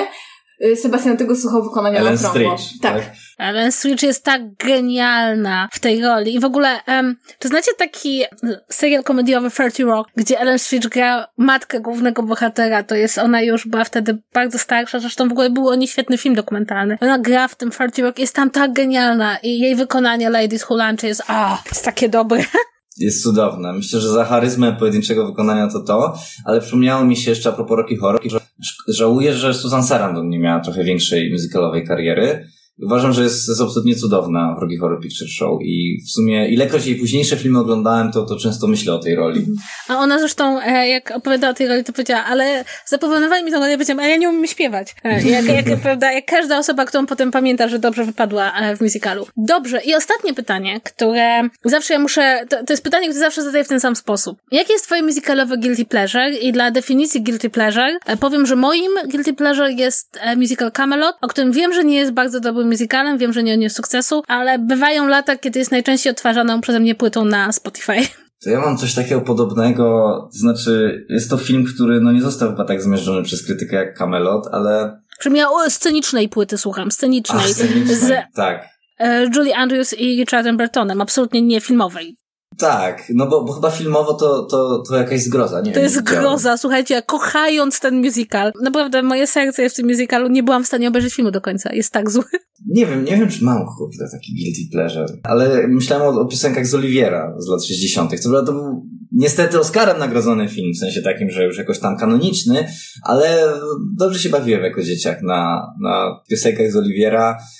To też był film trochę z podobnego, powiedzmy, rozdania co ten Camelot, czyli taki późno hollywoodzki, późno klasyczny, właściwie już postklasyczny, jakiś taki późny musical, wielki, e, jeszcze parę lat później zrealizowany od My Fair Lady e, i taki Dickens musicalowy, no może to, może to. Wydaje mi się, że to jest bardzo dobry wybór, bo ja oglądałam Oliviera jakby kiedy, kiedy myślałam, że to będzie bardzo dobre. No i tak, powiedzmy sobie tak, no, to nie było bardzo dobre. Musiałbym wrócić teraz do tego. Y, Słuchaj, to ostatnia rzecz, y, którą zawsze proponujemy y, naszym gościom, czyli odwracamy sytuację i teraz my możemy być w morzu og- ognia i morzu pytań, czyli czy masz jakieś pytanie do mnie lub do Kasi? Albo do obu nas. Mam dwa, mogę zadać dwa? Czy to? Możesz, Możesz. możesz. Nie wiem, czy było, ale to mnie zwyczajnie ciekawi. Co obejrzałyście, kiedy był ten moment, że poczułyście, że musical jest jakiś inny gatunek od wszystkich innych? Kiedy trafił do was ten zastrzyk, nie wiem, Eros, Erosa, strzała Erosa Mhm. musicalowa? Czy pamiętacie to? Tak. Jesteście w stanie tak sięgnąć pamięcią? Tak, tak. Myślę, w moim przypadku to są, to są dwie rzeczy. Na takim poziomie jak ja się dobrze bawię, to był Gris obejrzany w, w, telewizji z moją przyjaciółką Pauliną, którą tu serdecznie pozdrawiam. W bardzo małym telewizorze i po prostu się zachwyciłyśmy jakby tym, tą ferią barw i, i tą muzyką. No a drugi e, moment, kiedy uznałam, że musical to jest też od poważnych spraw, paradoksalnie to e, kiedy byłam statą na Dreamgirls e, z Beyoncé i, i Jennifer Hudson. Dobrze, dobrze mówię, nie? Tak. E, I pamiętam, że zrobiło to na mnie wtedy ogromne wrażenie, też dlatego, że właśnie postać Eddie'ego Murphy'ego, którego znałam głównie oczywiście z ról komediowych jako, jako dziecko, mm, po prostu wybiła mi z butów, nie? Y, po prostu on mm. jest absolutnie fantastyczny tam. Uważam, że jedna Oj, z najfajniejszych, tak. najfajniejszych jego ról. E, no i szkoda, że on też taki mamut z tego musicalu jest, bo pewnie gdyby go trochę przyciąć, to byłby świetny, a też ma bardzo dobre, bardzo dobrą muzykę. No to były te momenty, kiedy ja zdałam sobie sprawę, że z jednej strony świetna zabawa i po prostu lubię muzykę i, i, i lubię, jak w, film, filmie jest muzyka w ten sposób. No a drugi, kiedy mówię sobie, aha, czyli może być też na poważnie. Czyli miałeś jakieś 14 lat. No, myślę, że tak. No ja nie wskażę tego momentu ze względu na tą specyficzną moją sytuację polegającą na tym, że ja właściwie nie musiałam niczego sama odkrywać, ponieważ mój ojciec jest kinomanem i byliśmy sadzani i było powiedziane, teraz oglądamy. I też to jest ważne dla mnie, musical stał się ukochanym gatunkiem, ponieważ nie był operą. Ponieważ ja bardzo kocham operę, Zresztą zostałam do niej, że się tak wyrażę ponownie, przyuczona przez ojca Melomana. I e, dla mnie to było po prostu ta rzecz, która jest lżejsza od opery. I, i to, ja, ja wiem, ja po prostu, to brzmi tak strasznie, ale, ale to była ta droga, przy czym gdybym miała tak jakoś szukać takich momentów, w których wiedziałam, że kocham musical, to jeden to było, kiedy siedliśmy rodzinnie oglądać Skrzypka na dachu, bo to był taki musical, który oglądaliśmy rodzinnie. Ja wiedziałam, że to będzie najlepszy wieczór ever, bo jest Skrzypek na dachu. A drugi moment, no to kiedy rodzice, nie, na pewno miałam mniej niż 13 lat, usadzili mnie i kazali mi obejrzeć kabaret. To, to mm. Dobre, prawda? Jakby w, jakby, grubo. To jest tak jak cię... Tak, 13 lat. Nie, to jest tak jak cię wychowują historycy, tak? E, I to na dodatek żydowskiego pochodzenia, tak? To pewne filmy trzeba obejrzeć, żeby móc pójść w świat. Wydaje mi się, że to, to moja wielka miłość do musicalu bierze się stąd, że mam bardzo, bardzo dobre wspomnienia z tych wszystkich filmów klasycznych, które mi przedstawiono w młodości i, i na które pozwalono mi pójść później spać, musicale były te najlepsze. Więc wydaje mi się, że, że dlatego, dlatego tak kocham musicale i dlatego, że nie są operą, że są lżejsze od opery. Którą też bardzo kocham, tak na, na marginesie. Dobra. Drugie pytanie takie też trochę na, na wyobraźnię, to znaczy zastanawiałem się, bo mieliśmy, omawiałyście też chyba parę polskich musicali, prawda? Przynajmniej jeden. Wszystko grał omawiałyście. Coś mhm. jeszcze? Chyba nie. Chyba nie.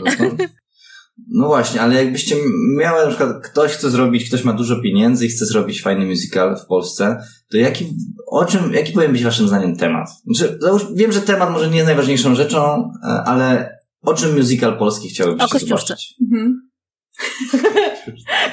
to jest rzecz, która, którą sobie moi znajomi wymyślili, bo ja mam, ja, ja wiecie, że ja mam w głowie mój wielki niespełnione marzenie o serialu o Kościuszce. No i, nie da, i potem na fali Hamiltona doszliśmy do wniosku, że można zrobić także musical o Kościuszce. Właśnie taki Hamiltonowy, bo wiecie, e, jakby polską odpowiedzią na Hamiltona ma być musical o Bemie, a moim zdaniem to jest błąd. Powinien to być hmm. musical o Kościuszce. Więc to jest moja odpowiedź na to pytanie standardowa. Miałam jeszcze jakąś inną, ale, ale to jest, to jest rzecz, którą zawsze odpowiadam. Jak ktoś mnie pyta, jaki ma być polski musical, to mówię musical o Kościuszce. Zastanawiam się, kto, by, kto będzie chciał oglądać musical o Nikt nie chciał go oglądać, już był. Nie obejrzałem. Ja myślę, że um, musical dziejący się w urzędzie w PRL-u to byłby fajny pomysł, który byłby, na przykład zawierałby takie bardzo sprytne teksty piosenek, które mocno by nawiązywały do takiego oryginalnego znaczenia bareizmu. E, to byłoby, myślę, coś dosyć zabawnego, ale też e, wcześniej chyba to już Michałowi mówiłam, że bardzo chętnie zobaczyłabym musical o dresach w takich dresiarskich dzielnicach.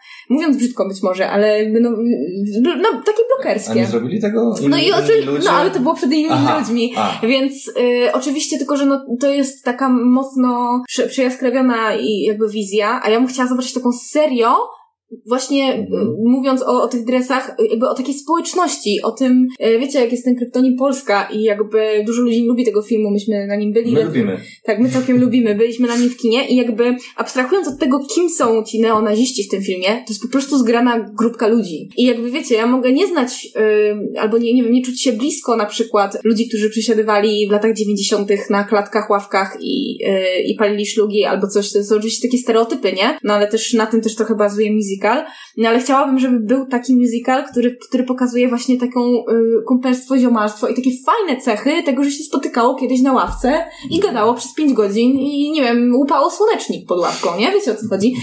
Y, zawsze marzyłam o czymś takim. Ja po prostu widzę te balety dresów jakby, skoro w West Side Story mogło być. Nie, ale zgadzam się, to znaczy taki trochę anegdotyczny musical, który opowiadał o jednym letnim popołudniu z życia adresa, prawda? Chce jakby z jakąś takim lekkim konfliktem w tle, prawda? Gdzieś tam konfliktem z prawem, czy właśnie próba zebrania pieniędzy na Jabola, prawda? Coś takiego.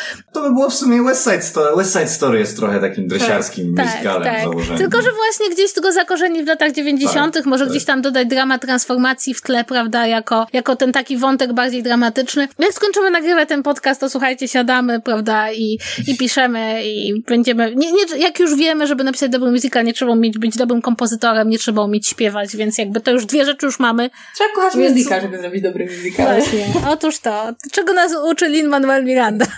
tak jest. Yy, to chyba wszystko, tak. To chyba wszystko. Bardzo Ci dziękujemy, że do nas wpadłeś. Teraz ludzie Cię już znają, już wiedzą, kim jesteś, bo wiedzą, Bardzo co lubisz w muzykalach i czego tak. nie lubisz, więc po prostu zobaczą Cię teraz w pełni, bo o to chodzi w muzykalach, żeby zobaczyć świat w pełni. I co? I Was, e, drodzy słuchacze, zapraszamy do następnego odcinka, który będzie kolejnym odcinkiem tematycznym i tym razem porozmawiamy sobie, co to znaczy śpiewać w muzykalu. I jak różnie można to robić. I wydaje nam się, że to będzie bardzo ciekawy dla Was odcinek, a na, dla nas też, bo już omówiliśmy sobie kilka ram, więc już jesteśmy zapalone do tego. Mamy nadzieję, że wrócimy szybciej, bo już chcemy wrócić do dobrego rytmu e, odcinków. A to tyle w tym odcinku. Do usłyszenia. pa! pa. pa.